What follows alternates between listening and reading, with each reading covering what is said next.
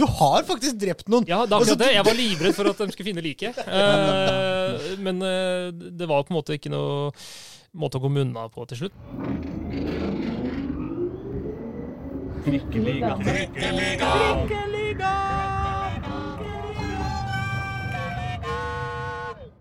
Len deg godt tilbake i skinnstolen i manneulen din.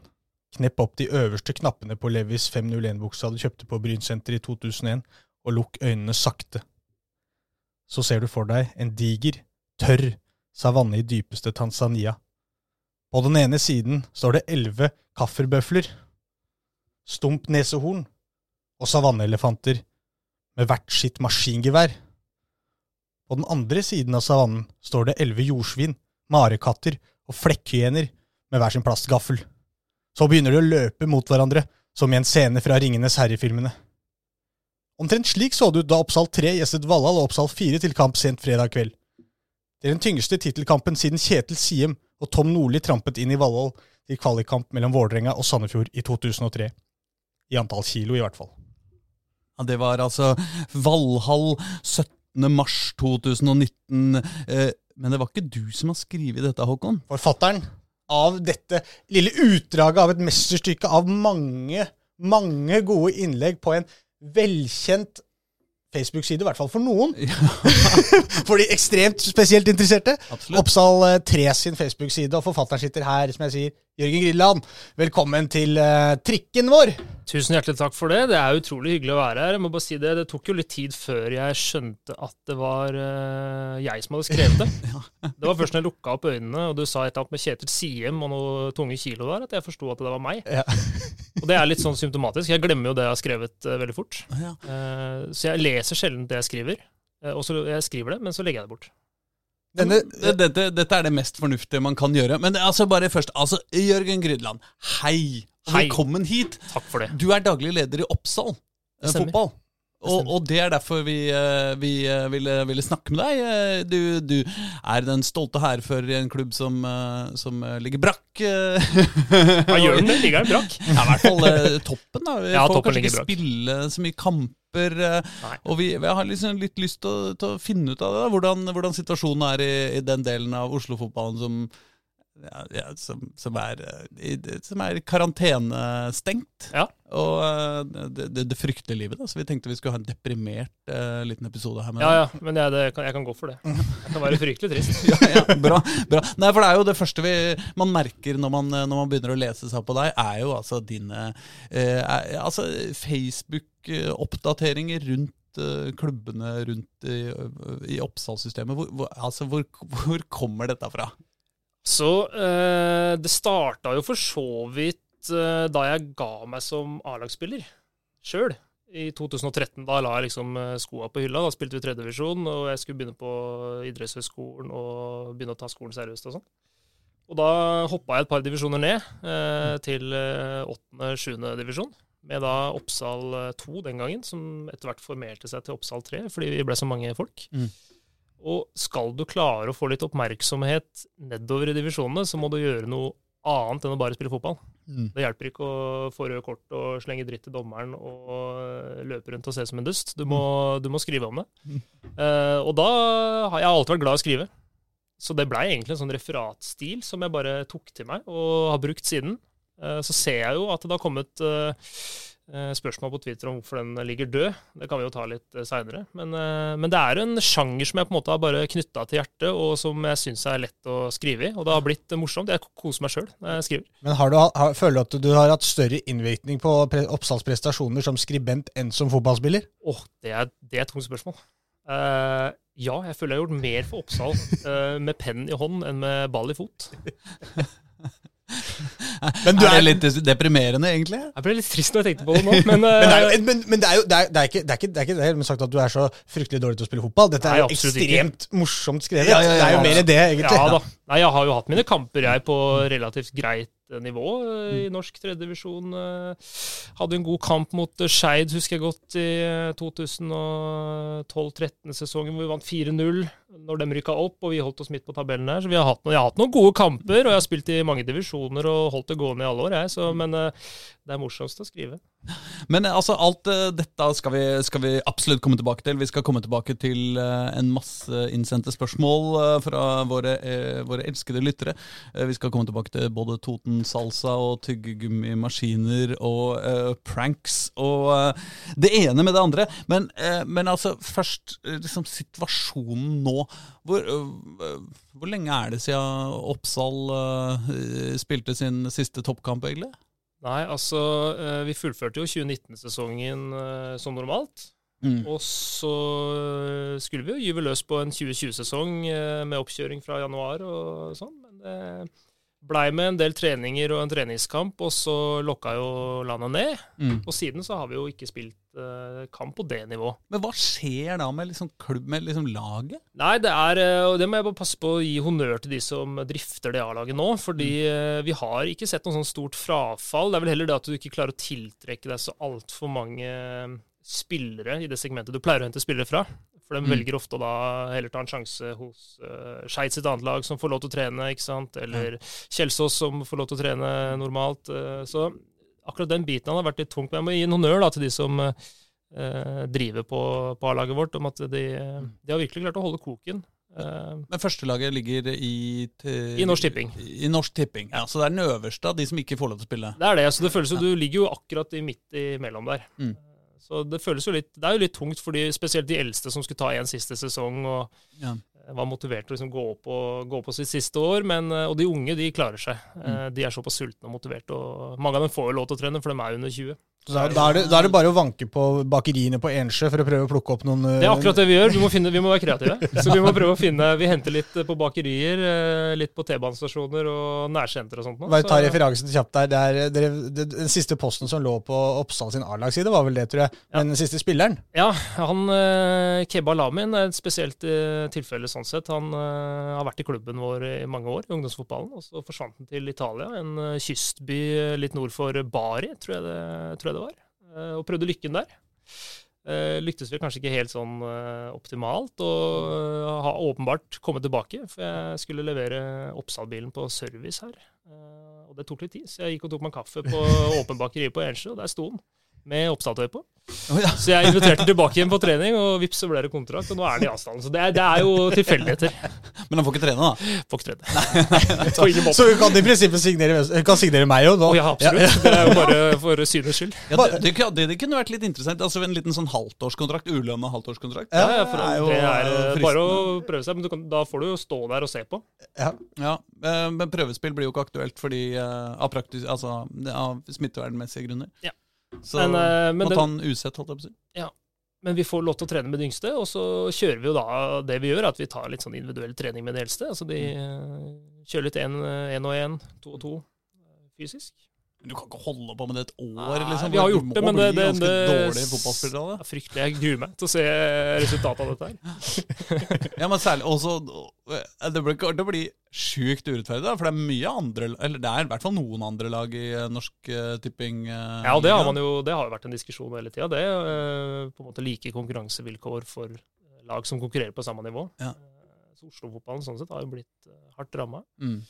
Men Altså, Vi får prøve å være positive. Vi får ikke gjort så mye med det. Det er bare sånn det er. Ja. Og inntil videre så ser det faktisk ganske lovende ut med tanke på forutsetningene. Det kunne vært verre. Du kunne, kunne drive skjenkested, liksom. Kunne drive skjenkested. Ja. Uh, kunne vært senterleder i Oslo. Mm. Mm. De tror jeg tjener så jævlig mye penger ellers. Vet. Ja, det er kanskje sant. Så det er liksom om de... Det gjør Oppsal sikkert òg. Det er sant. Vanligvis. Ja, det er sant. Uh, men åssen Altså, du er daglig leder, og mm. Oppsal er litt sånn uh, det, det er vel på en måte mest en breddeklubb, eller? Ja, det kan man jo si er en stor breddeklubb. Vi er jo mest kjent for håndballen, og det, det var jo et bra håndballag på 70-80-tallet. Mm. Kjempa liksom i toppen av Europa og har historikken. Mm. Fotballen er jo ung og har jo ikke den tunge historikken som mange andre klubber har. Vi kjemper jo mot uh, Skeid og Våling, altså Nå snakker vi på ungdomsnivå. Vålerenga, mm. liksom Skeid, Lyn, de har jo tunge historier. Mm. Uh, Oppstad har ikke den historien. Mm. Så det er liksom å tråkke opp veien nå, egentlig. Og så, men det er klart, ja, det er en svær breddeklubb. Masse medlemmer, uh, stor barne- og ungdomsavdeling. Og så prøver man å balansere det der med bredde og litt topp, da. Ja, ja. Det er jo på en måte en utfordring, men, men, også spennende, for da får du begge deler av det. Men hva, er, hva, hva, hva gjør du? Hva gjør jeg ikke? I, i hverdagen, liksom? Ja, ja, På altså. Er det sånn eh, du eh, sparkler eh, veggene på klubbhuset, eller ja, Du, du sa jo når jeg intervjua deg når du ble ansatt som, som daglig leder, så intervjua deg jo, det var i november, var det ikke det? Jo, riktig. I starten der. Da sa du, Det første du sa, var 'fin tittel, mer jobb'. Ja, og det står jeg for. Ja. Eh, Men det er klart, forskjellen på jobben min nå og den jeg hadde de fire foregående årene i Oppsal, hvor jeg egentlig var en sånn altmuligmann administrasjonen, er at jeg nå kan uh, dytte bort litt av de tinga jeg ikke vil gjøre sjøl, Mm, til andre. Det høres delegere. fryktelig men det kan delegere. Mm. Det er jo eh, Det står i arbeidsinstruksene, men uh, jeg føler at jeg kan etterleve den. Men det er klart, ja, i en sånn klubb så må du gjøre alt. Altså, du må rydde ballbua og sjekke banen, og du må tømme søpla og lage frokost. Og det er ikke noe, altså, det er ingen som gjør ting for deg. Eh, Men jeg liker det. Det er eh, veldig allsidig. Men, men det betyr at liksom, altså, Hva er liksom hoveddelen av jobben din, sånn konkret? liksom? Eh, Altså nå, Det handler om eh, økonomi, budsjett, eh, marked, sponsor, selvfølgelig. Det er jo en sånn tung del av jobben. Og så har du ringer ned på Tveita-senteret? ja, Tveitasenteret er med oss i år, og de. Mm, ja. De, de er trofaste. Ja. Fikk de mye igjen for altså, de, de vil jo ikke ha kunder siden de ikke, folk ikke kan gå dit, så, men de, de fortsetter å sponse dere for det? Ja. Ja, bra. Jeg håper det. Vi har et møte på fredag, så vi satser på at det går bra. men eh, nei da, så, men eh, klart, det er jo å ha den kontroll på den daglige driften. Eh, Da Mm. kommer det alt fra telefoner fra, fra mødre på jenter 9 til eh, A-lagstreneren som krever nytt eh, analyseutstyr, til eh, ungdomstrenere som trenger veiledning til Altså, dette her spenner seg over, uh, overalt. Mm. Så, men uh, det å ha kontroll på daglig drift og, og kontroll på penga og uh, ja, styre klubben i riktig retning, Mm. det er vel for så vidt det jeg må gjøre. Hva er riktig retning? Hva er liksom, når du ser for deg i det fjerne Soria Morias Oppsal om Ja. 20 år, liksom? Ja, nei, altså jeg Først og fremst så tror jeg Oppsal skal stikke fingeren litt i jorda og se hvor vi er, og hvem vi er. eh, Og hvem vi er til for, da. Mm. Det er jo for så vidt medlemmene. Mm. Sånn at eh, det å bygge opp en, eh, en god samfunnsaktør da, Mm. i vårt nærmiljø, det er jo det viktigste. Mm. Ikke sant? Sånn at eh, 100 nye barn hvert år har et uh, kult sted å komme til med et bra tilbud. Uh, så får vi se. Eh, på sikt så ønsker vi oss et eh, klubbhus, vi ønsker oss eh, bedre banefasiliteter, vi ønsker oss vann. Vann! Vann, ja. Du er kravstor. Jeg er veldig kravstor, men det har vært fint med vann. Eh, når vi har cuper og kiosk og sånt, så har vi ikke tilgang til vann. så, så det er Hva mener du? Vi har ikke, du må jo ha Vi har ikke tilgang til vann. Noe vann må det Har du vært i kiosken vår på Oppsal? Kiosken har ikke vann. Den har ikke vann. Nei, men det finnes vann. Ja, men da må du, liksom, da må du inn i trasseopphallen, Ja. opp på kontoret i en sånn liten utslagsvask og hente vann. Så det hadde vært fint med vann. Dette er en liten sånn, et utrop til Bymiljøetaten. Ja, Eh, hadde vært fint om vi det vet du. ja. er at eh, Altså, jeg har jo vært fotballforelder eh, en, en, en del sjøl, så jeg har jo stått i hvert fall litt, ikke mye, da, men i noen sånne kiosker eh, i mitt liv. Og de som ikke har vann Ja. Eh, Altså Da st- står det jo i instruksen at du før, eh, før du starter opp på morgenen, så skal du tømme ut det gamle pølsevannet, så skal Akkurat. du gå 200 meter og hente nytt pølsevann, og så skal du gå tilbake og sette Ja. ingen som gjør det, vet du. Nei. Så det pølsevannet, Ja. det har fått, eh, det har fått kjørt seg. Man bør ikke kjøpe pølser i en sånn kiosk.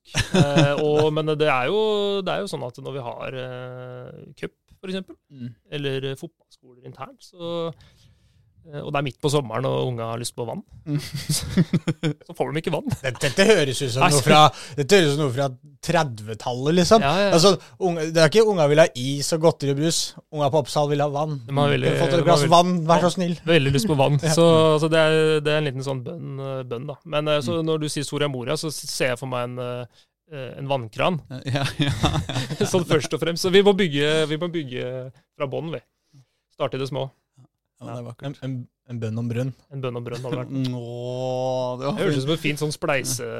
Altså sånn Ja. eh, oppdrag på spleis. Ja, ja. En bønn om brønn. Det, kanskje jeg skal lage det. Ja, det det, det syns jeg du skal kline til med. Men, eh, men eh, du er fra Oppsal, er du det? Jeg er eh, født og oppvokst eh, på Oppsal. Veldig sånn Oppsal Unnfanget på Den røde hatt. Jeg har uh, hatt mine avslutninger på Røde Hatt, uh, og jeg har, har drukket mine øl på Røde Hatt. Ja, Den røde Sett hatt er den lokale puben? Det var den lokale puben på Ja. gamle Oppsal senter. Uh, veldig sånn legendarisk for alle Oppsal-kjennere, Mm. og sikkert andre også som er født og oppvokst i nærheten. den ble jo lagt ned da når det nye senteret kom, og det ble litt finere. og Var det Olav Thon som kom og ødela hatten deres? Det var Obos. Åh, Obos. Ja, Hos knerta hatten. Ja, de betaler sikkert. De de sponser dere, så Ja. de må- kan sikkert ikke være jeg, tror, jeg tror at de knakk seg sjøl. det var mye Det var mye kriting eh, og Ja. penger som aldri kom inn. Mm. og det var eh, Hatten tok nok livet av seg sjøl, men eh, det er mange som syns det er trist. Mm. For det var et fint eh, sted. Men vi har fått piece of cake, da. Det er jo på en måte de som har tatt eh, ikke tatt over lokalene, men tatt over eh, på en måte geskjeften i det området. Det, men det er mer et bakeri. Mm. Dette svaret var sponset. Ja. Det, det skjønner jeg. Nei, men Vi har fått et spørsmål om den, eh, den røde hatt. Hvor, hvor lå det, da? Eh, Det var, altså det, det finnes et kamprop knytta til den røde hatt, gjør det ikke det? Jo, jeg var ikke så godt kjent med det før jeg så at Magnus Borgen, for øvrig sønn av Marianne Borgen, SV-politiker eh, Ordføreren. Ordfører. Hatten hei, ja. Hatten hei, hatten Ja. hei, et eller annet, et eller annet. Det hadde Mm. ikke jeg hørt før, og det er jo litt sånn, men det burde jeg sikkert visst. Men det lever jo da ikke i beste velgående, i og med at eh, hatten ikke fins lenger. Nei, og du ikke kan den, som Og er født opp på Oppsal og er Ja. dagleder. Men er det ikke da man virkelig burde dra i gang med det kampropet? liksom? Det er hvordan er det? Jeg har ikke sett Nei, det står bare 'hatten hei, hatten hei', men vi kan ja. Vi antar spørre at det er hatten hei, hatten hei, Hatten hei, hei, hei. hatten hei, hei, hei. Dra til deg, uh, fløssudelattanlei. Ja. Hatten hei. Men du kan jo, du kan jo et Oppsal-heiarop, Jeg kan du kan et Oppsal-heiarop. opp? Ja, eh, fordi min, eh, min, eh, deler av min familie kommer fra Trassopp. Oi. Eh, og, og så det jeg har lært helt fra mine, mine barne... barne Barnsben? Barnsben Ben er eh, Giri giri gasja gumpen gala, her kommer Oppsalkara, vi er tøffe. Vi drikker whisken bar, røsk oss i balla, jom jom. Det oppsummerer veldig Oppsal, føler jeg. ja, ja, det gjør det. Men dere roper dere den fortsatt? Ja, eh, de yngste jentelagene. Ja, ja, ja, bra. bra. Sånn, sånn skal det være. Jeg føler, at det er en sånn, jeg føler det går liksom varianter av det der greiene der eh, Ja. rundt på hele, øh, hele østkanten. Men akkurat det der med røsk og siballa jomjom, den, eh, den kjenner jeg bare fra refererer det til uh, den klassiske nudelpakka Jom Jom, som du fikk kjøpt for 2,50 på, på lokale tyrkeren. Jeg veit ikke. Nei. Kanskje. Jom-jom, ja, ja, da, da er det noe for alle. Ja. Um, men men eh, jo, du er oppvokst eh, i området. Ja. Og så har du spilt fotball i Oppsal siden du var sånn tre år gammel? eller? Ja, typ eh, når jeg kunne starte, ja. Eh, Så vi var vel eh, seks år, tenker jeg, når vi starta opp. Mm. Så jeg har jo gått, eh, virkelig gått graden og den tunge veien. Hvor gammel er du egentlig? Jeg er eh, 31. Blir 32 år. Hvorfor ga du deg da i 2013? Og ja, nei, du, det var eh, en, tror jeg en kombo av at jeg begynte på idrettshøyskolen og tenkte at det tok mye krefter og tid, eh, og at jeg hadde de fleste av kompisene mine på, på annetlaget. Mm. En sånn klassisk venner og Ja, sånn, skole-unnskyldning. Eller at uh, jeg var for dårlig da, og Mm. ikke hang med. Du måtte senke deg ned på deres nivå? Ja, Eller føle at jeg, måtte, jeg skulle ned og heve dem. da. Mm. Komme litt sånn ovenfra og ned. Men ja, da jeg er født og oppvokst. Jeg spilte der i, i alle år. Faderen Mm. var, eh, var eh, altmuligmann. eh, og satt, Det var før klubben fikk ansatte. Mm. eh, Og han var jo veldig engasjert i Oppsal. Var eh, formann og styreformann og ja, lagleder på lag og fulgte, fulgte opp. og så jeg fikk det jo på en måte inn fra start. Mm. Eh, og så gikk jeg jo gradene gjennom ungdomsfotball og opp på A-lag. Og så eh, satt jeg i styret et par år, og så fikk jeg jobb i 2016. Så det er liksom godt har sett det fra alle kanter og kriker og kroker. Er det noen som antyder at eh, familien Grydeland er en slags Stoltenberg-familien i, eh, i Oppsal-området? Ja, det Det vil er Gisle, Gisle Olsen, tidligere treneren. Ja. Ja. Han uh, sneia innom det. Han, han, han refererer for øvrig også til fotballkarrieren din, jeg prata med her. Ja. Siden du var inne, inne på den. Han skriver at spillekarrieren var vel midt på treet. Litt midtstopper og bekk, Habil, men viktigst 100% i alt han deltok i. Solid. Det kan, det, og det tror jeg på en måte han refererer altså til sånn True Blue, da. Som Arsenal-mann Arsenal-mann så er jo det kanskje gæren, men Jo. i, i norsk fotball eh, Veldig sånn eh, lojal eh, og hardtarbeidende, eh, hvis jeg skal eh, si noe om kvalitetene mine. Eh, ikke så veldig rask, eh, ikke så veldig sterk, men eh, tok det igjen på pur galskap og vinnervilje. Jeg er lojal. Hva er din fremste kvalitet? Jeg er lojal. jeg bytter aldri klubb. Nei, men det var fordi jeg aldri fikk noe tilbud. Det er litt som, eh, litt som i den eh, Hva heter den eh, postbud-filmen? Det var en sånn klassisk eh, Oslo, Oslo øst-film om, eh, om postbud for noen år siden. Og eh, det var ganske sånn deprimerende sosialrealisme. Og så ble spurt eh, ja, eh, spurte helten, da, hun heltinna, liksom ja, Hva er det jeg er god til, da? Gunn? Eller et eller annet. ikke sant? Så, Du er god til å gå, du. ja, ja det, da er du god til nå. ja, ja. Nei, det er, det er, det er så, så, det, din beste fotballspilleregenskap er lojalitet. Det er på en måte det er trist, men jeg var, jeg var, var sånn hardtarbeidende, som Gisle sier. Det var, ikke noe, det var ikke noe high, det var ikke noe low. Det var midt på tre OK. Men, men, du har, men, du har, jo et eh, sånn inntrykk jeg har hatt av deg. Noe av det som jeg synes er mest, eller aller morsomst med at du plutselig sitter som daglig leder, er som du sier, du er inne på faren din og historien til familien liksom, eh, i klubben og området. Men det er ikke bare liksom klubben, men hele området, altså hele Oppsal for deg. liksom hele... Ja, ja. ja det, er, eh, det har vært sånn hele tida, egentlig. Har, eh, nå har jeg jo mm, bodd på Tveita i ti år. Det kan jo oppleves som svik, men det er jo nærmeste Det var det jeg hadde råd til. I blokk, eller? I blokk, ja. Høyt Ikke Tveita-blokkene, oh, men uh, i de små blokkene bak der. Oh, ja, ja. Altså opp mot Haugerud-sida? Nei, ned på en måte mot, uh, mot Hellerud? Si, mot, uh, altså på baksida av Tveita-blokkene så ligger det en haug med sånne små sånne rekkeblokker mm. ned mot Smalvollvei. Så hvis, hvis, noen vil ha seg en Gisle Olsen-parodi, for den gidder vi ikke å ta, for det er ikke sikkert det er nok som vet hvem Gisle Olsen er, så kan de Nei. komme og ringe på der, så kan du få Det skulle fram til, var at jeg nå har flytta tilbake til Oppsal. Ja. til, til Svingen. Jeg så det var en som refererte til Svingen på et av de Twitter-spørsmål. Det er da Hellerudsvingen, og da ser jeg jo for så vidt lyskasterne på Trassoppbanen fra vinduet. Det er en fordel. Mm. Det er jeg som skrur på lysa hver kveld, manuelt, med telefon. Så, um, så, så jeg er veldig Oppsal-blod. Så hvis du ligger og ikke får sove, så bare Å ja, faen, jeg er litt jævla lyskasteren. Ja, ja, ja. Skru av lyskasteren, da. Sender melding til Ja, jeg får noen meldinger fra Bengt Eriksen innimellom. Uh, han uh, i Eurosport, mm. gamle Vålerenga-helten. Han er, bor jo oppå banen. og sender meg melding hvis de lyskasterne er glemt å skru av. du veit det finnes sånne timere som eh, nei. Ja, det er ekstra dyrt, så vi tar oss ikke råd til det. det er, vi tar det manuelt. Vi diskuterte her, Oppsal ligger det Hvor vil du si at det ligger i Oslo? Tilhører det Oslo sør eller Oslo øst, eller Nei, vi, vi sier jo Oslo øst, men det, det ligger jo altså, Det er jo midt mellom Furuset og Mortensrud, liksom. Sånn hvis ja. du tar T-banelinja. ja. uh, så det er jo på en måte plass. Men det er jo veldig sånn, eh, det er litt sånn annerledes sted, føler jeg på. Det er, det er, det er litt av alt, da. Du har rekkehus, og du har blokker, og du har uh, eneboliger. Og... Men nå mener vi rent geografisk. altså For Tveita vil vel de fleste si at tilhører Groruddalen? Ja, det, det, er jo akkurat på grensa. ikke sant? Og så kommer liksom Oppsal akkurat opp akkurat oppå der. Liksom, så, altså, og så er problemet Oppsal er så svært at det, det går helt, strekker seg nesten helt ned til Østensjøvannet også. ikke sant? Ja, da, ja absolutt. Det, det, er fra Hellerudtoppen til Østensjøvannet. Ja. Mm. Jeg mener jo at det tilhører Oslo sør. Jeg har jo en teori på at alt fra Bryn ja, okay. og sørover er, eh, er, Oslo sør, da. Men, ja, ok. Ja, Sørøst, da. Ja, ja, det mener jeg, da, men der er ikke Aslak med. Han mener det er sør eller øst. Nei, jeg tror jeg egentlig mener at, uh, at grensa går ved E6, så at Skullerud er Oslo øst uh, og Mortensrud er Oslo sør. Ja, men, sånn, ja, ja, det kan jeg delvis være enig med deg Men det er kanskje fordi jeg, jeg altså, Håkon men, her er jo Oslo sør, og jeg er Oslo øst, ikke sant? så ja, vi på en måte vil jo helst ha men, men da ligger jo Lambertseter uh, Oslo sør, da. Ja, ja, ja, ja. Men det ligger jo lenger nord enn Skullerud. Eller i hvert fall akkurat like langt nord omtrent. Ja. Men det er liksom man vil ha når man er herfra, så vil man gjerne ha den merkelappen. Det er litt kult å si Oslo øst. Oslo sør blir liksom sånn Hva er det for Oslo ja, jeg, sør? Jeg husker at det, det, ga noe eget, husker jeg på Mortensrud, noen som hadde tagga 'Oslo sør til jeg dør'. Ja, på, en annen, ja, ja. på, en rute der. Og da tenkte jeg sånn, vet du hva, da, da går vi for Oslo sør, vi. Ja, da. Nei, vi sier Oslo øst. Ja, da. Um, vi har jo altså en, en uh, masse spørsmål. Jonny Normann Olsen, f.eks. Uh, Skeid-supporteren. Uh, mm. Han spør hva er ambisjonene for Oppsal sitt A-lag? Uh, ja. hvor, hvor, hvor, hvor, vil de hen? Nei, Først og fremst så vil vi jo ut på banen og trene. Mm. Det er jo førstepri.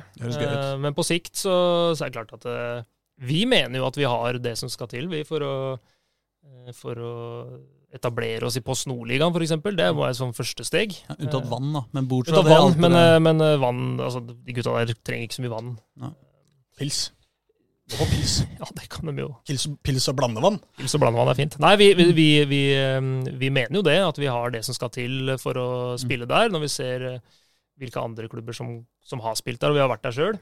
Eh, men så er det klart, du, igjen, du må stikke fingeren litt i jorda og se liksom, hvor er vi hen, og hvem er vi, og hvilke ressurser har vi. Det er klart, eh, Hvis du ser de som spiller Post Nord nå, så er det ganske ulike krefter i spill. Altså, mm. Noen uh, kommer opp dit uten en krone i budsjett, omtrent. Uh, og spillere som egentlig bare spiller for deg fordi de har lyst til å spille for Oppsal. Ja. Uh, og så kjemper du mot uh, millionbudsjetter, ikke sant. Så det er jo, du har Egersund og Arendal og uh, Brattvåg. Brattvåg og Hødd med mye penger. Så det er klart at du Vi henter jo fra en litt annen hylle, men det vi må gjøre da, er at vi må skape vårt eget uh, konkurransefortrinn. Så vi, vi, må jo på en måte bruke miljøet og mm.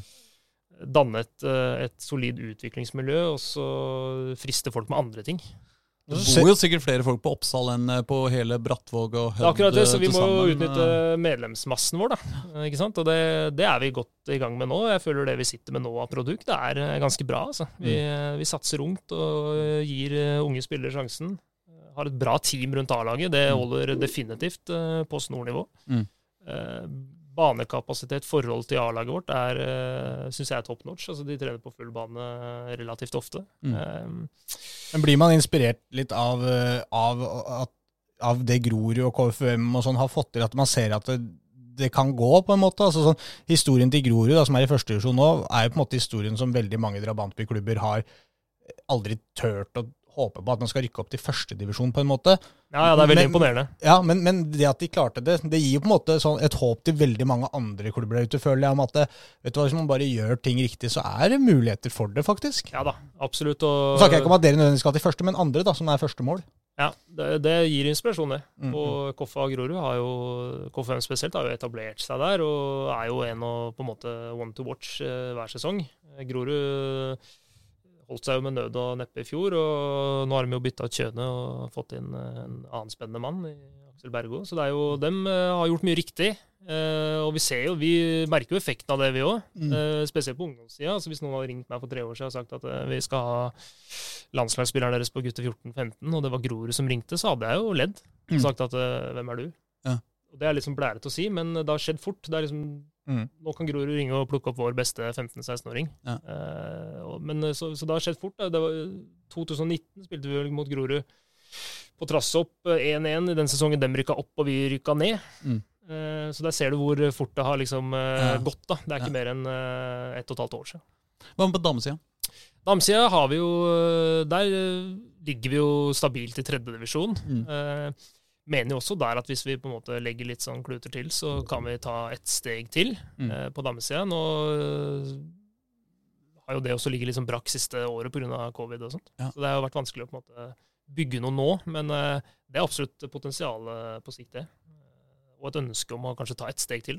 Ja, ja der, altså, men der er det jo plass. Eh, der er det altså, plass. I toppserien er det jo bare, eh, bare Vålerenga-Lyn Absolutt. Eh, fra Oslo. Det, det, må jo være i hvert fall eh, Ja, ja. Det, der går det an å gjøre ting. Og se, Bøhler har jo, eh, bare for å nevne det, har jo mm. inngått et eh, samarbeidsavtale med Vålerenga damer nå, så se mm. hva de uh, får, får, ut av det.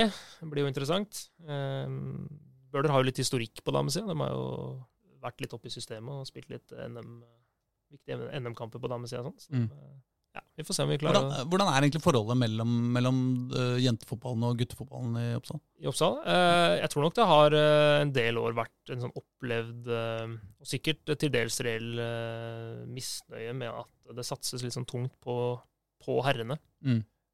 og at damene kanskje har følt seg litt sånn i skyggen. Mm. Og det Ja, det er jo mange grunner til det. Eh, men jeg tror man kan spille to baller samtidig her. og, og vi har nok av folk som eh, brenner for damefotballen hos oss. Og det kommer eh, stadig vekk yngre kule hos oss som ser veldig spennende og lovende ut. Så mm. Mm.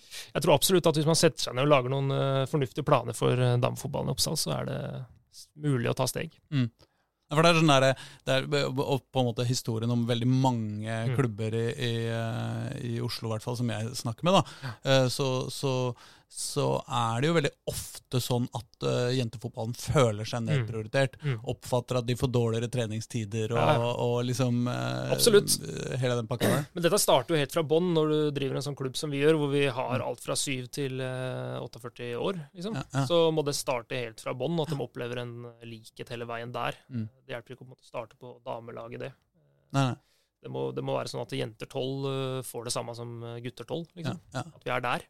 Og der øh, føler jeg at vi er godt på vei nå. Ja. Det er en mer sånn Er det viktig for deg? Ja, definitivt. Og det er litt fordi at vi, man, ser, eh, man ser at det er muligheter. For det er ikke så, det er ikke så trangt. Ja, det, det, er ikke så, det er ikke 100 Dollartegna blinker i øya dine. Ja, fantastisk. Ja. Ja, for, men det er jo litt sånn, hvis, når, man, når, man, snakker om Grorud kan være en inspirasjon, og KFM kan være en mm. inspirasjon, men, men det, det, er jo også et, som du er inne på, at det blir jo også en hindring. For det er jo et begrensa antall Oslo-lag som kan spille i de to-tre øverste divisjonene før på en måte det der, Den ene fordelen alle Oslo-lag peker på, er at vi har mange folk. Men mm. det blir etter hvert mye lag òg som de beste spillerne skal, eh, vil mm. spille for. da, ikke sant? Og da... Mm Hvis man er nummer seks i køen, så, så er det ikke de beste igjen til deg. Så per nå, så, som på herresida, så, så er det en fordel for Oppsal der vi ligger nå. Altså at vi spiller i Norsk Tippingligaen, så er det egentlig en fordel at eh, alle de andre ligger i eh, Obos. Ja, fordi det gir eh, muligheten til da plukker vi ikke på samme hylle, eller i nærheten av å plukke på samme hylle engang. Da er vi egentlig to helt ulike klubber med ulike behov Mm. og forutsetninger. Så, og det åpner kanskje noen dører for å ja, La oss si at Grorud spiller i i Obos-ligaen og vi spiller i Post Nord, så er det noen eh, gunstige utlånsmuligheter. og ja, Det, det finnes en del sånne fordeler Ja. ved at uh, vi er den største uh, blant de nest beste. Ja. Ikke sant? Så jeg tror vi starter der.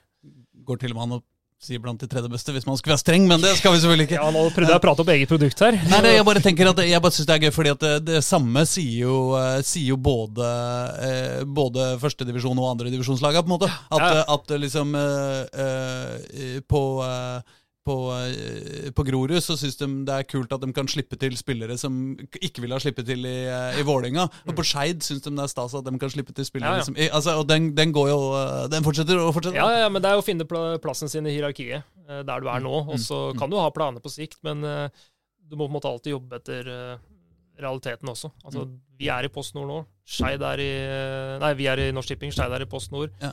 Grorud Koffe er i Obos. Ja. Vålerenga er i Eliteserien. Mm. Det er på en måte status. Det er, det er klart Mange av disse lagene her også, vet du, de kan jo skilte med Når de skal hente nye spillere, kan de jo skilte med at de har vann.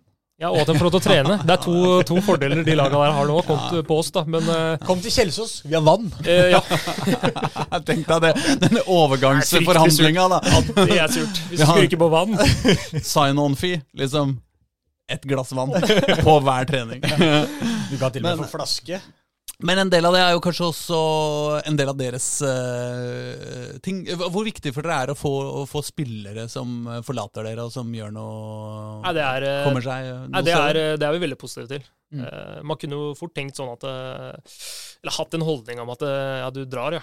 Uh, so long. Mm. Liksom kom aldri tilbake igjen. Det er sånn vi har det i Dagsavisen, faktisk. Ikke sant? Hvis Ja, ja. noen forlater dere til Ja, for en annen avis. Da, da er det ingenting for oss. Det er langfingeren og rett ut.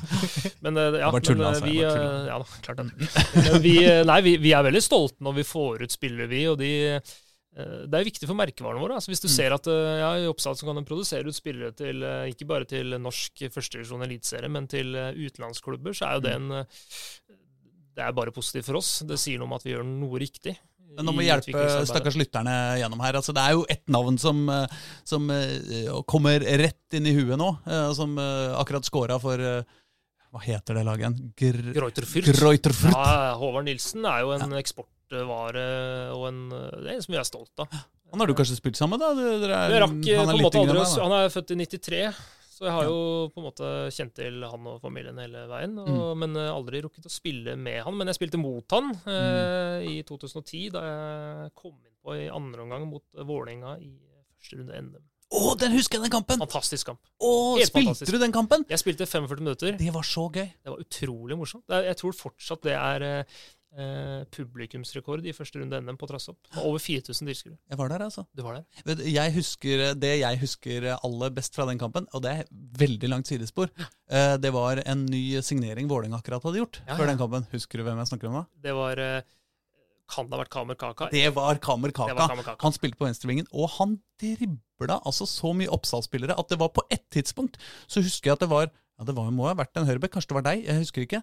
Eh, det, på et tidspunkt så dribla han en eller annen Oppsal-spiller liksom type fram og tilbake og fram Ja. igjen, sånn at Oppsal-spilleren, jeg regner med at det var deg, da, eh, datt bakover på Mm. rumpa og bare satt der og rista på huet Det fins et, et bilde av den eh, scenen du eh, maler der, eh, faktisk. Og det var ikke meg. Det var eh, Ola Skeid Andersen. Så hvis du hører på, Ola, så eh, vi glemmer det aldri. Nei, det, han, eh, det blir gøy, altså. han ble sittende på, på begge knæra.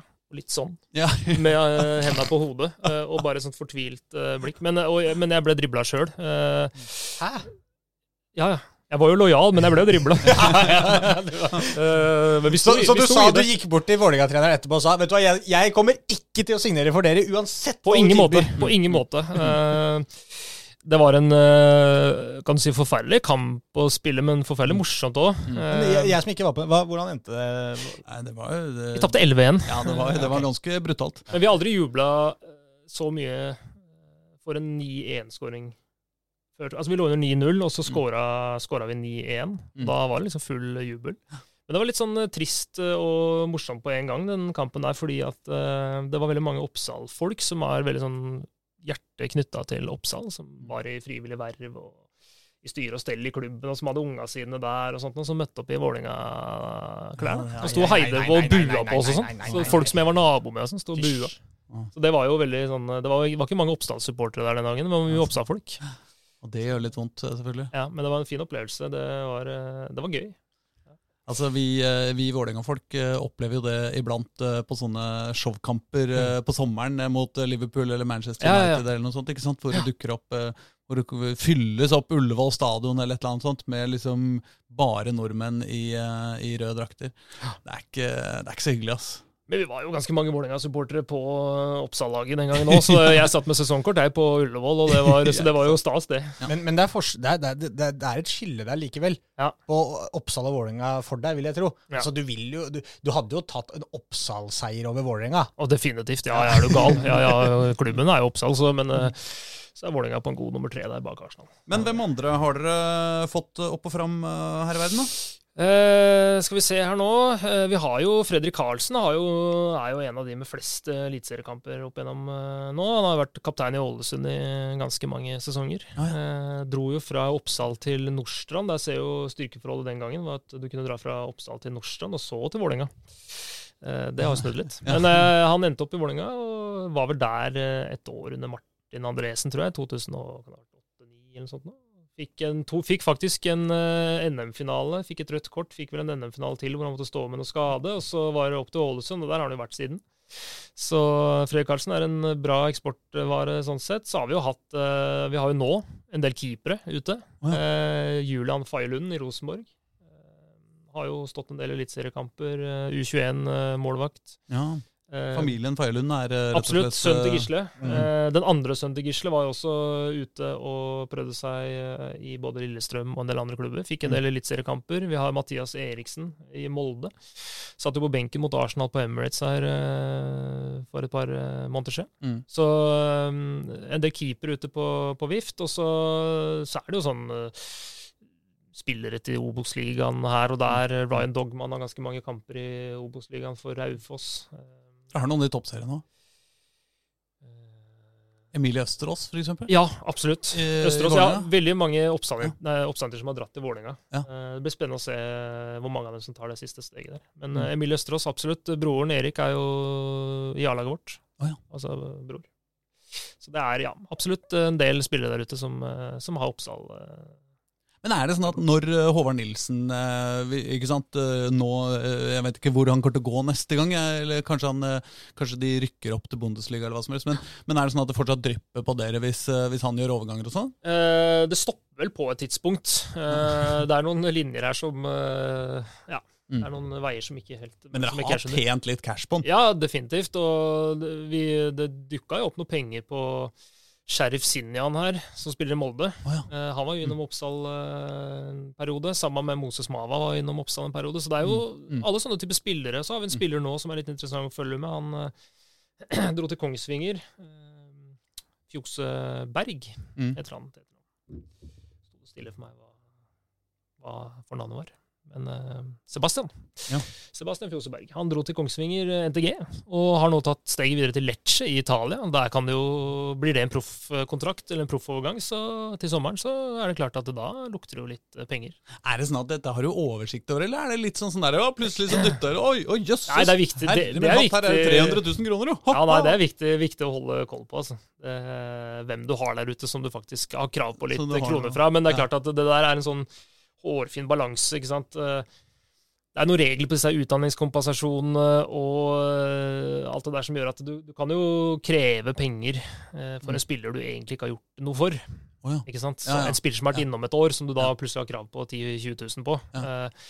Hvis Ja, hvis f.eks. Håkon Thon nå signerer et halvtårskontrakt for dere Ja, nå i korona, ikke egentlig spiller en eneste kamp, så Han ble tilbudt proffkontrakt i uh, Egersund da, Mm. Året etterpå fordi han var så god. Drømmen. Mm. Drømmen til Håkon. Eh, Det er klart at da har vi jo krav på vårt, ikke sant. Ja. Så, så da skal vi, Men eh, det er liksom passe på å finne balanse mellom å melke det der for mye. Altså, har du spillere du har utvikla sjøl fra de er små, og de eh, tar steget opp i Post Nord eller Obos, så, så er det jo forhandlinger på dette, men da krever du jo ofte ditt. Ja. Eh, ikke sant? Når vi gir fra oss Thomas Kongerud til Fram Larvik nå, så, så blir vi jo enige om en sum, men vi krever i hvert fall noe. Mm. Eh, er det spiller som har vært innom oss et år, så, og vi ikke husker navnet engang, så er det litt sånn kjipt å, å kreve det. Ja. jeg må si det. Så det, det er å finne balansen mellom å på en måte eh, være steinhard på det du har krav på, og faktisk gi fra deg det du egentlig ikke har gjort en dritt for. Ja. Liksom. det, det hørtes da irriterende sånn Veldig ærlig- politisk korrekt og ja, ærlig. Dette tror jeg er bare noe du sier. Nei, liksom. nei, det er faktisk ord til handling. Det kan, eh, det kan bekreftes. Ja, kanskje det er bare ting du har oversett, da. At det er derfor. Det er liksom du bare tar den Det kan fort være, altså. Her skal ikke, jeg han glemte jeg helt, men vi ser litt stort på. Ja, men når ikke vi husker Nei, da når vi ikke husker, så går det forverra. Vi får være såpass uh, joviale, vi, da. Så det, da blir vi sett på som en hyggelig klubb. Du, Jeg leste litt i noen eh, gamle regler eh, dere har, eh, eh, dere har eh, lista opp. eh, Botkassa. Å gud, er det fra Oppsal 3? Ja, det er fra Oppsal 3, ja. Mm. Eh, der står det eh, Jeg veit ikke hvor mye penger som er på den kontoen, men der står det altså at bø bøtesatsen er jo vanlig i, i forskjellige deler av fotballen. At man har bøter for spillerne som ikke, sant, ikke Ja, ja. kommer med uvaska klær på trening, Ja, eller kommer for seint, eller sitter med mobilen mens treneren prater. eller sånt. Og dere har altså fire regler. Tissing i midtsirkelen som målfeiring 20 kroner. Slåsskamp på trening 50 kroner. Stjele hverandres sykler og selge de på finn.no under anonym bruker 10 kroner. Spy på lagfest 1000 kroner. Ja, ok, altså det er Forholdet mellom det å stjele sy sykkel er 10, Ja. men spy det var 1000. Ja, ja, Ja. Tissing i midtsirkelen for å feire et Ja, mål. det, er ta- liksom, det, er, det, er, det, er, det, det koster jo langt mindre enn en bussbillett. Uh... Ja, men det er fordi det er så vanlig. Ja. Ja, men jeg tror, det er jo Jeg kan ta bare raskt på den, da. Ja. Hvorfor den dukka opp der. Og det, det, det var første sesongen min nede i divisjonene. Altså Vi snakka om at jeg ga meg i 2013. Mm. eh, og hoppa fra tredjedivisjon til eh, åttendedivisjon, eller hva det er for noe. Mm. Da mm, skulle jeg liksom gjøre litt sånn eh, aperi ut av meg sjøl hele sesongen. Og så skåra jeg det første målet mitt for det Oppsal 3-laget. Var uh, bort på Ekeberg på en av de der Norway Cup-banene. Mot et eller annet sånn studentlag av noe slag. Du tissa ikke i midtsirkelen for å feire Jeg, mål. jeg lata som. Men det var ikke så langt unna. Men, hvor, men hvordan later man som? På en måte Drar, du, drar man ned buksa, eller liksom Eh, ja, du man tar det shorts, men jeg hadde sånn undershorts. Ja. Eh, og så på en måte later jeg som om eh, Men jeg gjorde det ikke helt ut, altså. Eh, men jeg lata som, og det blei på en måte en feiring. som jeg er stolt av. Uh, nei, det, det, nå, nå kjente jeg at nå, nå, nå, nå gikk vi dit allerede nå, vet du. Ja, Ja, ja, da, da, da, da tror jeg vi like så godt bare kan slippe løs eh, alle, alle kraner her. Øh, altså, det er mange som har stilt spørsmålet om uh, tykkegummimaskiner. Mm, mm. Uh, det, er noe, det er en kickoff i Sverige Ja, det var, det var, jeg jeg snakka Ja, litt med jeg snakket, det- altså Dette her dukka jo på flere. Det er, flere, det er Mm, kommet flere innspill på Twitter. Men det var først, eh, først fikk jeg høre av din Altså mannen du tok over for, Mm. Ole Anders Arntzen. Ja, Og han som først eh, spilte inn denne her med tyggegummimaskin i forbindelse med kickoff i Sverige for noen år siden. Så er Ja. det vel kommet noen årstall og greier etter hvert der. Når var dette? Nei, altså jeg kan godt eh, bare legge korta på bordet der med en gang. Jeg tror du må Eh, det, Fordi at det har kommet så mye. Og jeg bare, for å si det, altså alle de som har sendt inn på, på dette her, de eh, har jo sett sitt snitt til å på en måte dytte meg foran bussen her.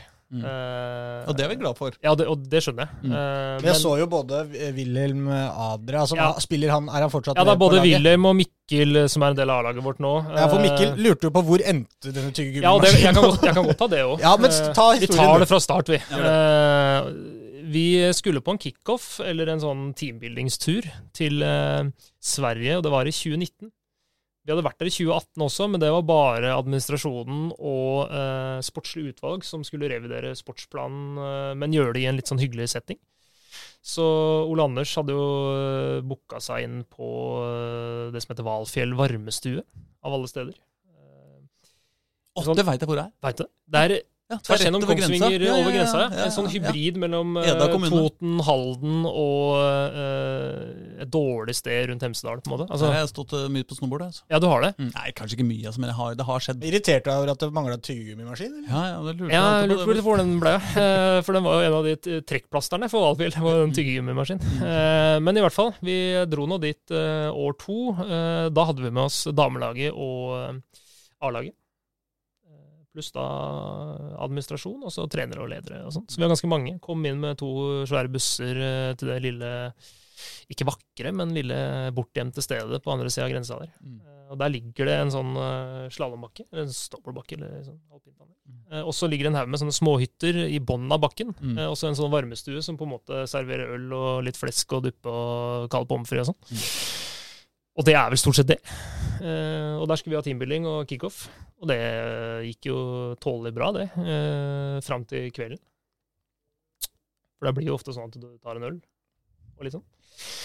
Eh, og da ble det jo hurra meg rundt med 40-50-60 mann og sånn. Og eh, på et eller annet tidspunkt så syns jeg det så litt gøy ut eh, å hoppe bak disken eh, der de serverte øl.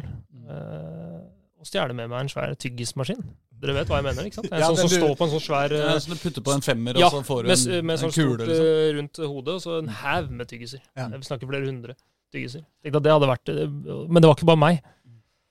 Jeg skal ikke nevne navn, da. Men jeg var ikke aleine, for den var veldig tung, så vi var to stykk som eh, bar den. eh, Da begynte det å bli ganske seint. Men, men et åpenbart spørsmål her. Hvor, hvor er betjeninga? Du hopper bak bardisken, eller bak en eller annen disk, Ja, og så er det ingen der, eller? Nei, jeg så mitt snitt, da, vet du, var rask. Ja. Apropos den der ninja-boka du viste meg her i stad.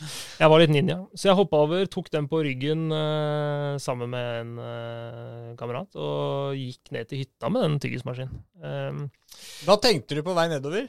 Dette var genialt! ja, som Har ansvarlig tyggis resten av livet? Ja, Som ansvarlig leder for turen, eller ikke ansvarlig, men som leder for turen, Ja.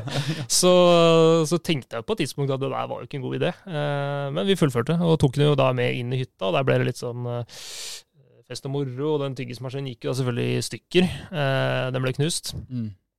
Og da 500-600 tyggiser utover gulvet. Eh, og det jo, var det ingen som brød seg om, så alle bare tråkka rundt på de tyggisene. Og de var ganske sånn myke, så det ble veldig mye merker i gulvet, og tyggis lå overalt. og ja, det var litt sånn. Så la vi oss, da. Uh, og så våkner jeg. Uh, jeg tror kanskje klokka var seks, halv sju på morgenen. Med den tyggismaskinen litt sånn i armkroken. Og og, og tenker jo faen eh, Ble det oss to, liksom, i natt? Eh, og da huska jeg jo på en måte hva som hadde skjedd. Og så ser jeg utover hytta og tenker det her er ikke bra. Eh, det ser ikke bra ut. Den tyggismaskinen den skal ikke stå på min, mitt eh, hyttenummer, for å si det sånn. Så den tok jeg da over skulderen som et sånn lik. Og begynte å traske innover skauen bak hyttene. Eh, og gikk så langt jeg kunne uh, på morgenene før alle våkna. Men men her, her kjenner jeg følelsen. Du, dette var helt åpenbart ganske fuktig kveld. Ja. Og så våkner du litt tidlig med tyggegummiautomat, og så må du ut og bære Ja, det var den. veldig kaldt, uh, og jeg hadde ikke så veldig mye klær på meg, men jeg tok den over skulderen og begynte å gå. og tenkte at jeg går ikke før på en måte jeg har kommet så langt at den ikke kan spores tilbake til meg. Så jeg gikk og gikk og gikk, og så kom jeg til en liten Det høres ut som en liten fortelling i et eventyr. Jeg kom til en liten sånn bekk med en liten bro. Og der sto det ei gammel dame med Ja, nesa troll, fast i ja, det var troll under den broa. Um, nei altså, jeg um, kasta den i den bekken. Begynte å grave masse snø oppå, eh, som å begrave et lik. Uh, og gikk, meg for å, gikk for å sove igjen. Um, og vi rydda opp og fikk shina ordna såpass at det var grei svensk standard på det. Eh, og så bussen tilbake igjen til eh, Oslo, og det går noen dager, og vi skal på jobb igjen. Og sånn. Og så kommer det noen telefoner etter hvert fra Valfjell. eh, og litt meldinger og sånt. nå. De- Jeg tør jo ikke å ta telefonen. Så telefonen går jo hovedsakelig til Ole Anders. Men det eh, som er gøy, er at du, du opererer akkurat som om du har faktisk drept noen. Ja, det er akkurat det. Jeg var livredd for at de skulle finne liket. Eh, men eh, det var på en måte ikke noe måte å komme unna på til slutt. Men jo fylleangsten varer nå i en uke, liksom. Ja, det var fryktelig tung, tung, og liksom eh, ble mye spørsmål og sånt. Og vi hadde jo mye morsomt eh, med dette her innimellom. Eh, men så Jeg turte ikke å ta telefonen, fordi jeg tenkte at det hørtes så fryktelig dumt ut, det jeg hadde gjort. Mm. Det var det jo for så vidt òg. Så jeg, det jeg gjorde, det var at jeg istedenfor å svare på telefonen og svare på meldinger, så fant jeg mailadressen til uh, altså typ som postatvalfjell.se. Mm. Så gikk jeg på Google eh, Earth Mm. og tok et flyfoto av eh, den hytteområdet. Så lagde jeg en stipla linje fra hytta mi med sånn liten rød penn som du kan lage på paint. Ja. Stipla linje langt inn i skogen. Mm. Zooma inn på, på den bekken. Så tok jeg et kryss som en sånn skatte, eh, skattekart. Og så skrev jeg 'Her er tyggismaskinen', og så sendte jeg av gårde mail. Ferdig med saken. Fra anonym? Eller Eh, fra deg fra, sjøl? fra post.oppsalfotball.no. så, så den ligger, om, om de noen gang plukka opp den tyggismaskinen eh, og på en måte tok den turen som jeg tok, Eller om de bare lot den ligge og tenkte at den er ikke så viktig. Har dere vært tilbake på Valfjell? Så neste, gang, neste gang noen er uh, i, i Valfjell eller, Gå og se etter den. Eh, hvis du dere lurer på hvor den er, så husker jeg fortsatt det. Send en Eh, mail til post at oppstadfotball.no, og så det. få et skattekart. Så kan dere, skattekart. kan dere, det er en fin sommergeskjeft. Ja, Det det. det er stengt. Du får ikke lov til å dra dit nå. Nei. Eh, på samme måte som Er det noen regler på det nå, ja? Ja, ja, ja. Det, er, det, er, noen sånne sånn spesialgreier. Ja, ja. Eh, men eh, ellers så syns jeg det høres ut som en jeg vet, altså, Bortsett fra at den var knust, da. Det er jo ikke så fristende å Nei, finne en det var det, da. stygge Det var Det er litt gøy å finne den likevel. Jeg hadde gått og leita hvis jeg var Jeg i lurer på om faktisk eh, Men vi fikk en invitasjon om å komme tilbake igjen året etterpå. Så det, var, det var ikke så gærent. Ja, da, var, da er tyggisautomattyven blitt forfremma til daglig leder i tillegg. Så dette her Ja var et karrieresprang. Ja, det er viktig å legge korta på bordet før du Nå er jeg såpass fersk i jobben at jeg kan bare legge det ut. Ja, sånn, og så kan jeg starte på en måte Men det føles godt å egentlig få det ut her nå, altså. Ja. For nå veit alle at du er idiot, liksom. Og, Ja, det er akkurat det. liksom ikke så Men- men- Eller, eller at jeg har to sider, da. ja, ja, ja, ja, ja, Ja, så, så hvis, liksom, hvis, hvis diplomisfiguren fra Tore Kiosk blir borte plutselig, så er det sånn, så er det sånn at uh, Det er kan sikkert være meg. Jørgen, det er Ja, det kan være Jørgen, meg. men det er jo sånn han gjør. Det Ja, er sånn han gjør. Det er bare sånn han er. Jeg tror at Bymiljøetaten, når de hørte starten av denne podden, så tenkte de ja, faen, eh, kanskje, kanskje vann oppe på Oppsal der hadde vært en god idé, men nå er de litt sånn Nja vi dropper det vannprosjektet er uh, utgått. Jo, men Det ser ut som å bytte ut øl med vann ikke er så dumt på Oppsal, kanskje, da. Ja, det er sant. Uh, Sikkert nå, lurt. nå må vi være seriøse igjen. Ja, ok. Jeg kan snu om fort. eh, hvem er tidenes beste Oppsal-spiller? Tidenes beste Oppsal-spiller, ja. Den, off, den, er, eh, den er vanskelig. Mm. Uh, Men det er sånne kjappe spørsmål, så du må på en måte bare kaste ut eh, det første. ja, jeg vil si Gisle Olsen. Ja. Ja, det er bare smisking, ikke sant? jeg tør ikke å si noe. Hvem er den som spiller i Oppsal i dag, uansett nivå, som skal nå lengst? Uh, Jonas Jole. Hvor, hvor, hvor, hvor spiller han? Han spiller eh, på vårt A-lag. Jeg er født i 2001, vel. Mm. Eh, Kommer opprinnelig fra Abelse. En god spiller som jeg har trua på. Bra. Eh, hvem av spillerne i Oppsal lurer deg? Hvem er kapabel? Willem Madra er kapabel. Eh, hvem er den mest brutale spilleren dere har? Mikkel Klein Gulbrandsen. Nå syns jeg du er eh, kjapp. Hvem er den mest oppskrytte spilleren dere har? Mikkel Klein Gulbrandsen. Hvis du fikk bytte en valgfri Oppsal-spiller eh, mot Martin Ødegaard i Arsenal, hvem ville du bytta bort? Tima Tagoli må ut. Ja. Eh, han koster for mye krefter, så han må bort. Og Martin Ødegaard inn. Hvorfor koster han for mye krefter? Eh, Han er en sånn 130 kilos tung eh, kladd på ryggen din eh, stort sett hver dag. Å ja, sånn, ja. ja så Det er keeperen til Oppsal 3, da. Men, men, men her har du jo ulempen, eh, eventuelt. Da, hvis du, hvis du, da må jo Arsenal slite med dette, da. Eh, ja, men uh, reservekeepere gjør ikke så stor uh... De får ikke gjort noe skade. Nei, de får ikke gjort så mye skade. Nei, ok. Nei. Nei, sånn. Eh, hvilket eh, eh, fotballag i Norge hater du mest? Lillestrøm.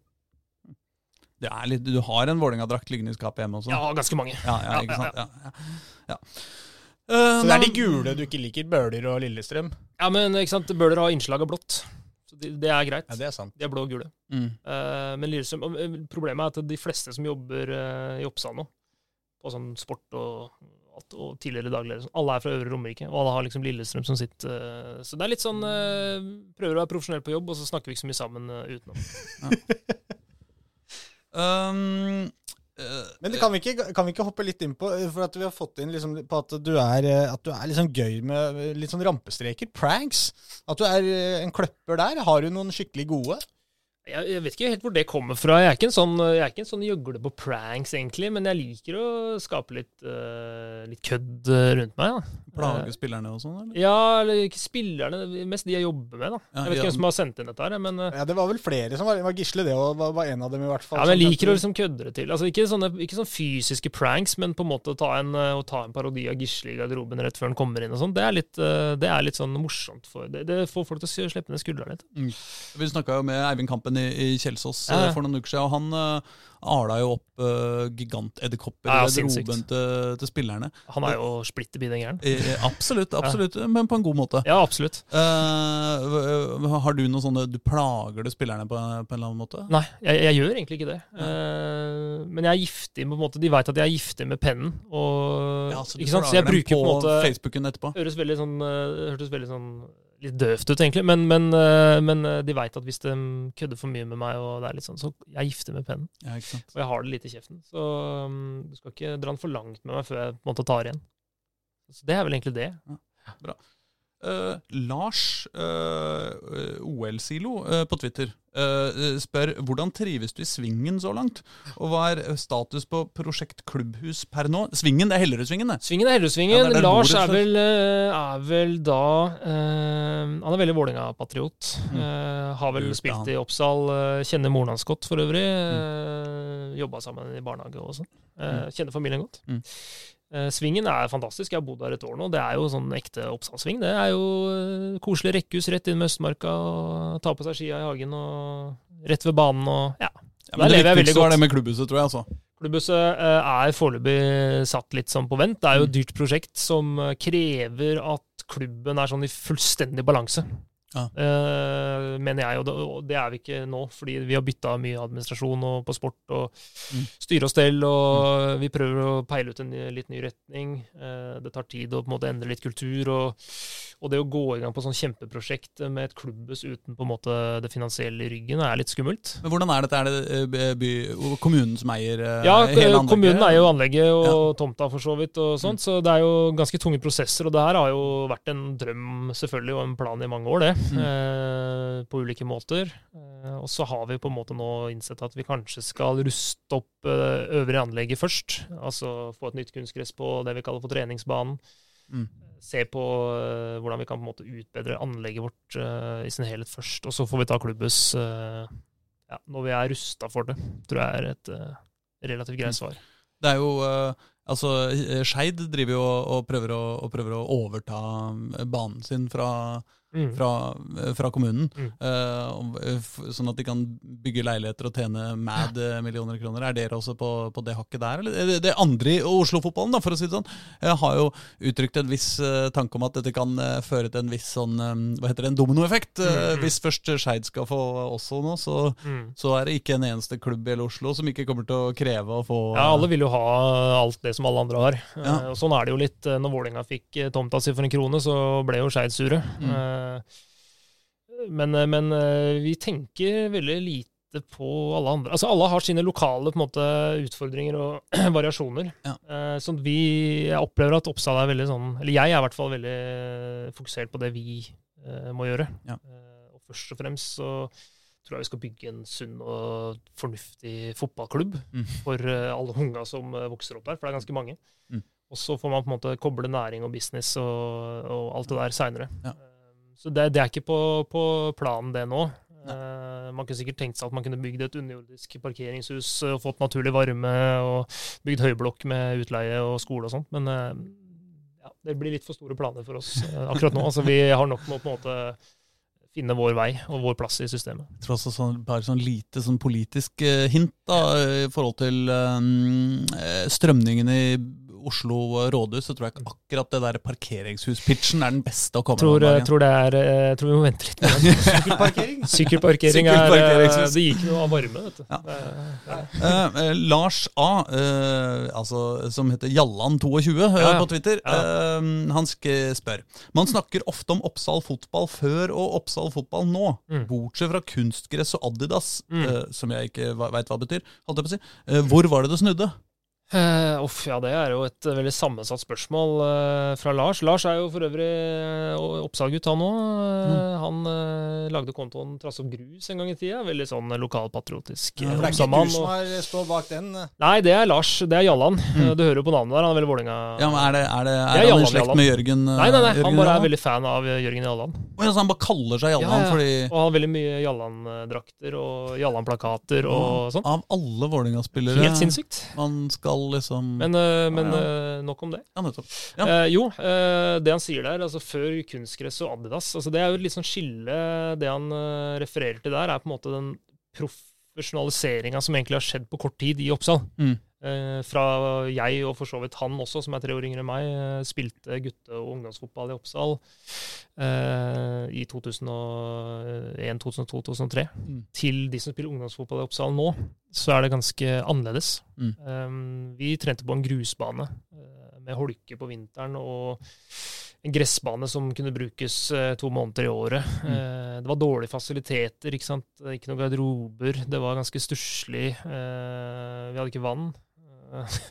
Eh, og vi, vi, det var på en måte opp til tilfeldighetene. Det var ingen som var ansatt som trenere med masse penger, og det var ikke noe administrasjon. og Draktene var liksom, de var bare blå med en sånn slitt Umbro-merke på sida. Vi skal ikke så mange år tilbake før det var, eh, det var min oppvekst i Oppsal. du er jo født 89, Ja. det samme som meg. Og jeg spilte jo da på Klemetsrud. Jeg spilte jo en del matcher mot Oppsal, så vi er jo liksom akkurat samme. Ja. Jeg mener jo liksom å huske at jeg syns det var ganske ålreit på Ja, men jeg tror, grusbanen på Oppsal. ja da, men jeg tror det er ut ifra dere fra forutsetning. Det er fra Klemetsrud liksom. det er- Mortensrud, det er liksom. kravstore. Ja, ikke sant. Det er det. Du må se hvor du på en måte Ja, det var kanskje det, ja. ja. Så, nei, men det er liksom det, det er hvor det snudde. Ikke sant. sant? var ingen som hadde, det var ingen som hadde eh, Når vi skulle spille mot Oppsal, så husker jeg alltid det var et problem at det, for man hadde, som du sier, det var litt sånn der blått og hvitt litt sånn om Ja, ja. Vi hadde helt like drakter. Det var alltid så jævla kjedelig. Kjedelig å spille mot Oppsal. Var at Mm. Et av lagene måtte alltid spille med Vest, sånn ja. å-vest. Ja, vest, ja. ja. Det er veldig kjedelig. Og det var ikke lik farge på vesten engang. Nei, nei, men det var vest. Det var Nei. noen oransje og noen grønne. og Litt sånn, men det, Men det skjedde jo noe eh, i en, et moment der uh, vi fikk inn uh, Ole Anders, da, som er tidligere daglig leder, Mm. med noen nye tanker og visjoner for en breddeklubb som var tufta helt og holdent på frivillig engasjement, og sånn som de fleste var. Mm. Til å på en måte prøve å ta noen steg sportslig, eh, få noen kule, gode ungdomslag. Eh, ja, få noen sportslige resultater, eh, bygge seg litt opp, da. Mm. Og det klarte man jo. Mm. Eh, ting har liksom blitt mer profesjonalisert. Altså Draktene er finere, vi har fått sponsorer. Det ser liksom, eh, det er kunstgress overalt. eh, Det er garderober. Det er, eh, det er på en måte, ja, det har skjedd et eller annet. Og det, det skjedde i en brytning der hvor det, ja, det snudde litt. Men det er noen visjoner og sånt som man har når man kommer inn i en ny klubb. og Ja. Og utenfra og skal på en måte bygge opp noe. Så Men det er jo ikke noen idé om, liksom, hva, altså, om det var noe øyeblikk her hvor dette Nei, men altså Oppsal. Oppsal har jo på en måte en vinnerkultur, hvis du snakker resultater, eh, og, og på en måte liksom at man ikke bare var miniputt eh, i eh, området. Mm. Til at man kunne begynne liksom å snakke om at man vinner cuper og er seriemestere, kretsmestere. Hvis en måte prestasjonen og resultatene har noe å si. Så, så skjedde det noe der, eh, spesielt også med Gisle, ikke sant? med ungdomslaget av det 94-kullet han tok opp der. Men det, har jo vært bra før òg. Altså, Oppsal har spilt eh, NM-finale på Brann stadion eh, på 70-tallet, de, så det var jo ikke dårlig eh, før i tida heller. Men eh, Kan bygge vinnerkultur og slå Bøhler et par ganger i året òg. kan absolutt gjøre det. det. Det var jo mantraet til Gisle. Spill så mange cuper som er dårlig som mulig før sesongen, så du vinner mest mulig. Ja. At du kommer inn i sesongen med tanken om at du er uansett best. Altså, men, eh, men eh, ja, det har skjedd et eller annet i klubben. eh, Men jeg tror ikke vi kan peke på liksom Mm. Det skjedde der, det skjedde der. Men ja, det, det, det ser mer proft ut for en eh, 13 år gammel jente eller gutt nå enn det det gjorde for eh, 15 år siden. Mm. Det kan man jo fastslå. Men uh, hvor, ma hvor mange roller har du egentlig hatt i Oppsal?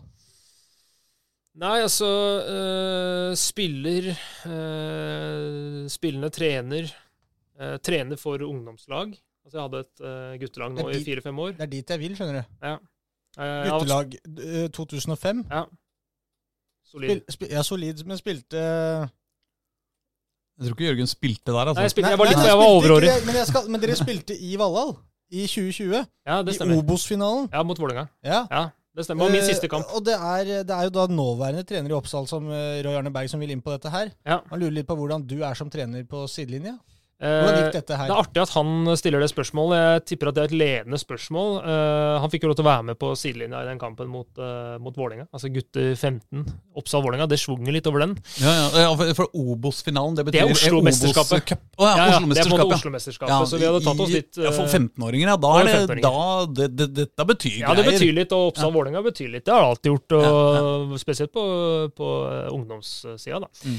Uh, men uh, han mista jo besinnelsen fullstendig, Roy Arne. Uh, jeg hadde jo ikke sett han i den settinga før. Han Mm. var ganske ny i klubben. Men han, jeg er ganske rolig på sidelinja, jeg. eh, Se meg i øynene når du sier det. Jeg er ganske rolig på sidelinja, jeg, Håkon. Eh, det er det. i, eh, hvis du måler meg opp mot Roy Arne, Ja. så da stiller spørsmålet. Ja. Så han mista besinnelsen. Så trenerduoen her, for å kalle dere det i denne kampen her, det, det ble litt hett. Det ble ganske hett. Eh, Jeg tror ikke jeg skal gå så mye mer inn på det. Vi vant kampen, da. ja. men han ble veldig veldig sint. eh, Selv om han ikke hadde noe med laget å gjøre. Og egentlig ikke noe med kampen å gjøre heller. Han var bare skrevet opp på det, er dommerkortet. som, det er litt som Trofimov med disse russiske damene. Ja. Da kalte de bare for dumme esler og sånn, og så vant de jo finalen. Ja, ja, ja. Og, men, men Royane ble bortvist. Det er sånn, det er litt sånn I en gutte 15-kamp på en måte, så er det litt sånn det, det er, Da har du gjort noe feil. På en måte, men det er jo liksom noe med Alle disse historiene her er jo liksom Det bygger jo litt opp om liksom Oppsal. Det er ikke, det er ikke Hellerud, liksom. Det er Oppsal. Nei, det er Oppsal. Og Ja. det, det er litt sånn eh, det er. Jeg kan eh, bli sint, jeg òg. engasjert, da, for å si det sånn. Men eh, i motsetning til han, så var jeg jo eh, rene Jesusbarnet. Men dette laget er, eh, er et uh, Det har vært et veldig solid eh, lag fra de var uh, 12-13, egentlig. Eller 12, da når de gikk over i ungdomsfotballen, Mm. til eh, nå. Mm. Nå skal de jo over i junior neste år. eh, Ja, Vi har jo hatt landslagsspillere der som har vært fast på gutt 15-landslaget. Han dro jo til Grorud nå. Kasper Fjell Mm. eh, ble jo henta dit av Kjøne og er en up and coming star. Eh, Spilte jo på det laget i alle år. og ja, har et par til som virkelig er aktuelle for, ja, for vår egen, vår egen A-lagssatsing. Mm. til tross av ung alder. Så et meget godt drevet kull i Oppsal. Vet du hvor mange flere kamper som vi skal gå inn på? Det har kommet inn så mye spørsmål på kamper. Ja, eh, altså, vi må folk- jo begynne å nærme oss litt uh, er ved litt det, og slutten så her. har jo jeg også litt lyst til å Altså, vi kan ta kanskje én kamp til her, da. Første hjemmekamp 2018. Hvis det ringer noen bjeller fra Det er tidligere daglig leder Arntzen, det òg, da. Hva er det han vil fram til her? Første hjemmekamp A-laget, da, eller? Sikkert. Eh, I 2018? Ja, da jeg tenker, da tror jeg jeg måtte sjekke telefonen hvis jeg skal huske hvilken kamp det var. For det Vi kan prøve en annen kamp isteden. Ja. Tidenes opprykkskamp i åttende divisjon Ah. i 2019 fra Gisle Olsen. Den er jo noe for eh, Det er jo en for historiebøkene. Hva skjer? Oppsal 4 på seniorsida. Mot Linderud i åttende divisjon. Mm. Eh, Åttende divisjon, da er vi på aller nederste nivå, er vi ikke det? Ja, ja, vi er på definitivt nederste Ja, da spiller du mot Vredens druer Ja, da, da, da er du på det nivået nivået der, ja. liksom, Det er uh, Symesterskapskameratene 2 og sånn. Ja. Det er helt uh, i bånn. Mm. Uh, men det er Oppsal 4 da, mot Linderud. Da hadde det bygd seg opp en sånn ja, Mye kjent folk på tvers av de gruppene. og litt sånn Når du sier. Linderud, Da er snakker vi Linderud. A-laget til Linderud? Da snakker vi A-laget til Linderud. Linderud 1 mot Oppsal. Linderud 1 mot Oppsal 4. okay. Ja, så der har vi jo satt standarden allerede. Mm. Uh, og det blei jo en sånn uh, Det bygde seg opp en sånn der forventning til den kampen, for det var en opprykkskamp. Altså Vinneren uh, gikk opp i 7. divisjon, og det betydde jo selvfølgelig alt for de som spilte der. Mm.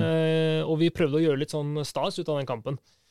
Ved å få en del kjendiser på hver eh, side. Altså Linderud fikk sine kjendiser til å gjøre noen eh, utrop og noen videoer på Facebook. Og Morten Langli kom med sine stalltips, og det var liksom Vi fikk eh, Hallgeir Kvatsheim fra Luksusfellen er i Oppsal, eh, ikke sant, på Oppsal. Vi fikk han og Bengt Eriksen til å dra på noen eh, morsomme greier. Så det blei en sånn het oppbygging til den kampen, og øh, hadde jo spikeren på plass, og det var liksom full øh, pyro før kampen, innmarsj, det var bluss, det var liksom fullt trøkk. Det var 400 tilskuere, helt sinnssykt. Det, 400 Ja, tilskuere i åttende divisjon! helt uh, gale, Mathias. Så vi, Ah. vi bygde opp den kampen til å bli en sånn Ja, det var en ordentlig, sånn, ordentlig trøkk. Og så ender vi selvfølgelig opp med å vinne 3-1 øh, i tillegg, og rykker opp til 7. divisjon, og bye bye Linderud, liksom. For det var jo det var ganske digg. Så for en kamp, altså. Vi, men selvfølgelig, da, i god Oppsalon så hadde vi jo ikke kiosken åpen den kampen. Det hadde jo håndballen, så de tjente mye penger på oss. Ja, ja. Ja. Eh, Men jeg hadde jo ikke nytt, pølsevann, vet du. Hadde ikke det. Jeg hadde ikke nøkler, fant ikke nøkla til kiosken den dagen, faktisk. Så vi hadde ikke noen utsalgsmuligheter. Men kul kamp. eh, Den har jo blitt omtalt mye, den, på Twitter og i undergrunnen, eh, sånn sett. Mm, ja, for oss som eh, bare er nye på, på de, de eh, lavere nivås uh, Facebook-kontoen Ja, ja. til Oppsal, eh, der, der er jo der Det er er mye, mye rart. mye rart som skjer, men Ja. vi må jo bare håpe at det, at det kommer i gang igjen, Ja, så ja, vi får noen referater. eh. Det har ligget litt brakk nå, og det er ikke noe, det er ikke noe å skrive om. Men da blir det sånn at den ligger litt død, da. Ja. Men eh, med en gang vi er oppe og ruller rens, så skal jeg love dere det. Skal vi høre om eh, Toten også, eller? Ja, det er sant, vi må innom Toten. Der har det vært eh, på hva- mye spørsmål. da. Ja, Men hva er dette? Er, er det noen grunn til for dette? Der, når vi fikk en spørsmål om Totensalsa, så var det Ja. nesten sånn Hvis han, hvis han tør oss fortelle om det men det er er ikke noe, det, her kan jeg bare trygt uh, plapre i vei uten at jeg mister ansikt. Ja, okay. uh, Totensalsa er jo det, det er bare en referanse til Altså, vi var på Gjøvik nå uh, for et par uker siden. Jeg og Roy Arno og de to andre i administrasjonen. Var det enda en sånn kickoff, eller? Ja, nei, ikke kickoff. Det var, det var, vi, var invitert, man kommer nå. vi var invitert opp dit for å ja, gjøre noe lokale greier der oppe. Hva er det som var, nei, nei, nei, det er, det jo du ikke kan fortelle. Nei, nei, nei. Sasa vil jeg gjerne snakke om, men hva de gjorde på nei vi, var- vi var der fra lørdag til søndag og skulle ha litt sånn Vi jobba litt. Hvis det er noen i Gjøvik som savner en tyggegummimaskin, så veit jeg hva som har skjedd nå. Altså, når du ikke kan fortelle om hva du skulle i Gjøvik, da altså, er, det, er det Vasselina coverband? Nei, nei, nei, vi skulle altså Roy Arne har noen eh, altså A-lagstreneren vår, da, sportssjefen vår, han har noen eh, connections rundt om i Norge. Og eh, ja, har reist mye rundt og jobba mye forskjellige steder og sånt. Og har vært i Vind idrettslag, og der skulle vi hjelpe dem med noe trenerforum og litt sånn. Ja. Egentlig bare en sånn hyggelig sportslig besøk, faktisk. Greit, så det var, det var veldig legitimt. Ja. Så vi var der oppe bare fra lørdag til søndag. Og så skulle vi se noen matcher og sånn selvfølgelig på dagen, og da havna vi på et, eh, en liten pub som het PTs. Det var veldig lokalt og koselig. Og så, men så var det sånn at når du kjøper øl, så må du kjøpe mat. Nå. Sånn er jo regelen. Og da bestilte vi oss en haug med nachos. Tenker at det er digg. Men han eh, luringen bak kassa, og det kosta, mye penger, kosta 85 kroner eller noe, tror jeg, for en eh, liten bolle med nachos eh, og dip, som det sto, som det sto i menyen. Ja. Og vi bestilte fire-fem stykker, for vi tenkte at det var jo det, var jo, det er jo digg, det. Mm. Sitte og se et par kamper og spise nachos. Men da kom han altså gående med en sånn svær rød pose som han har kjøpt på Kiwi. Altså nachos. Kald nachos! Mm. eh, heller det oppi en bolle, liten bolle til hver. Eh, og det var ikke med salt i, det var sånn uten noe smak. Mm. Og så tenker jeg den kjedeligste posen fra, fra Bunnpris, liksom. En sånn Mm. fryktelig svær pose. Mm. Helte det oppi, Også, men eh, krydderet var på en måte Toten-salsaen da, som de eh, serverte dette her med. Og det var jo da eh, egentlig bare en sånn vanlig salsa fra Rema 1000, som de hadde fått en lokal salsa, ja, ja, ja, liksom. som de hadde fått noen sånn lokal eh, to, som sto Toten-salsa på. da. Mm. Eh, smakte fryktelig kjedelig, og, men eh, han gjorde gode penger på det. Jeg jeg tenkte at dette her var noe, en favoritt av deg. Toten salsa var noe du digga, men det er Ja, men altså, det kan du det, det er jo en sånn Det ble for meg en legendarisk eh, rett, på en måte. Altså Den Toten-salsaen med nachos der oppe på Gjøvik, den er bare å anbefale. Jeg trodde vi skulle i dansens verden, jeg nå. Oi, gud Ja, det var Totensalsa, liksom. Ai, ai, ai, ai, ai, enda ai. bedre. Ja. Fryktelig kjedelig historie. Men eh, når den dras opp, så dras den opp. Og Totensalsa. Ja, Jeg tenkte det var Kunne der vært, kunne vært bra. Ja. Um, eh, nei, men vet du hva, da tror jeg kanskje vi skal begynne å, uh, å oppsummere, holdt jeg på å si. jeg. Ja, men I og med at du er så Du er en ordsmed. Giftig med pennen, som Ja, du ja, sier. uff, ja. Altså, du hopper høyt når du sitter selvfølgelig i en, eh, en avisredaksjon. Jeg, har ikke noe, jeg er ikke noe redd, vet du. Sånn Det er det. Det er det. Og, og det har du ingen grunn til heller, for at uh, du er dyktig. Og vi hadde lyst til å utfordre deg litt på Du spurte om det er noe du kunne gjøre før Ja. du kom hit. Og så kom vi på at eh, ja, men kanskje skrive noe om hvordan du tror dette kommer til å gå på forhånd. Ja. Og det har du gjort, og det skal, det skal vi avslutte med, skal vi ikke det, Slag? Jo, jeg tror vi, så, så, så, så la oss nå si ha det, og så, og så lar vi Jørgen Grydeland, sjølveste daglig leder i Oppsal, eh, avslutte podkasten denne, denne gangen. Det har vært en glede, Jørgen. Det har vært en eh, glede. Da avslutter jeg. Jeg sov dårlig i natt. Ikke fordi katten min rev ned en stabel med vegetarkokebøker fra spisebordet halv fire, eller fordi postbudet i den lille åpne bilen sin rusa mer med motoren enn en nykonfirmert 15-åring fra Toten. Jeg sov dårlig fordi jeg visste at jeg skulle gjeste podkasten Trikkeligaen klokka 11. Først og fremst kjente jeg på ærefrykt, en fryktblandet beundring.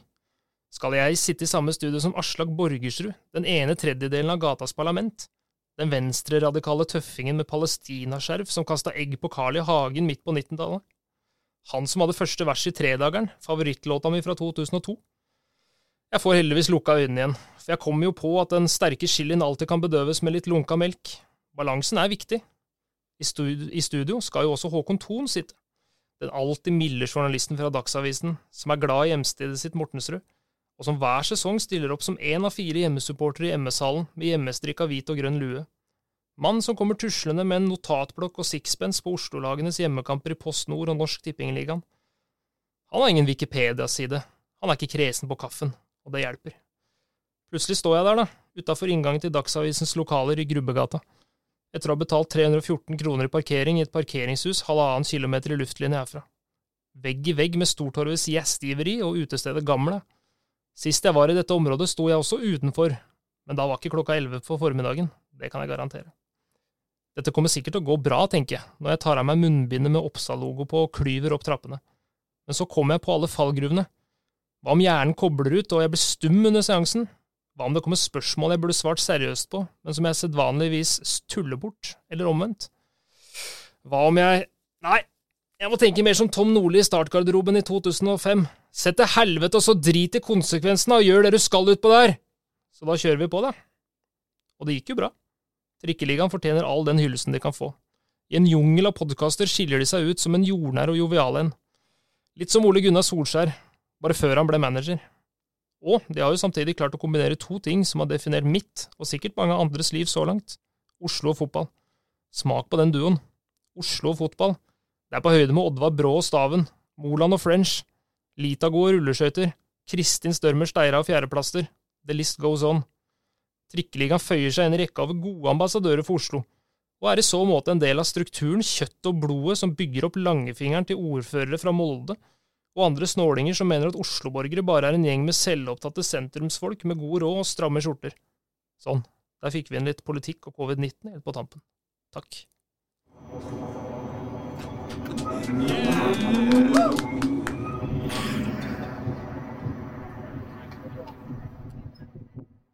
Du har hørt en podkast fra Dagsavisen. Ansvarlig redaktør heter Andreas Heen Haaland Karlsen.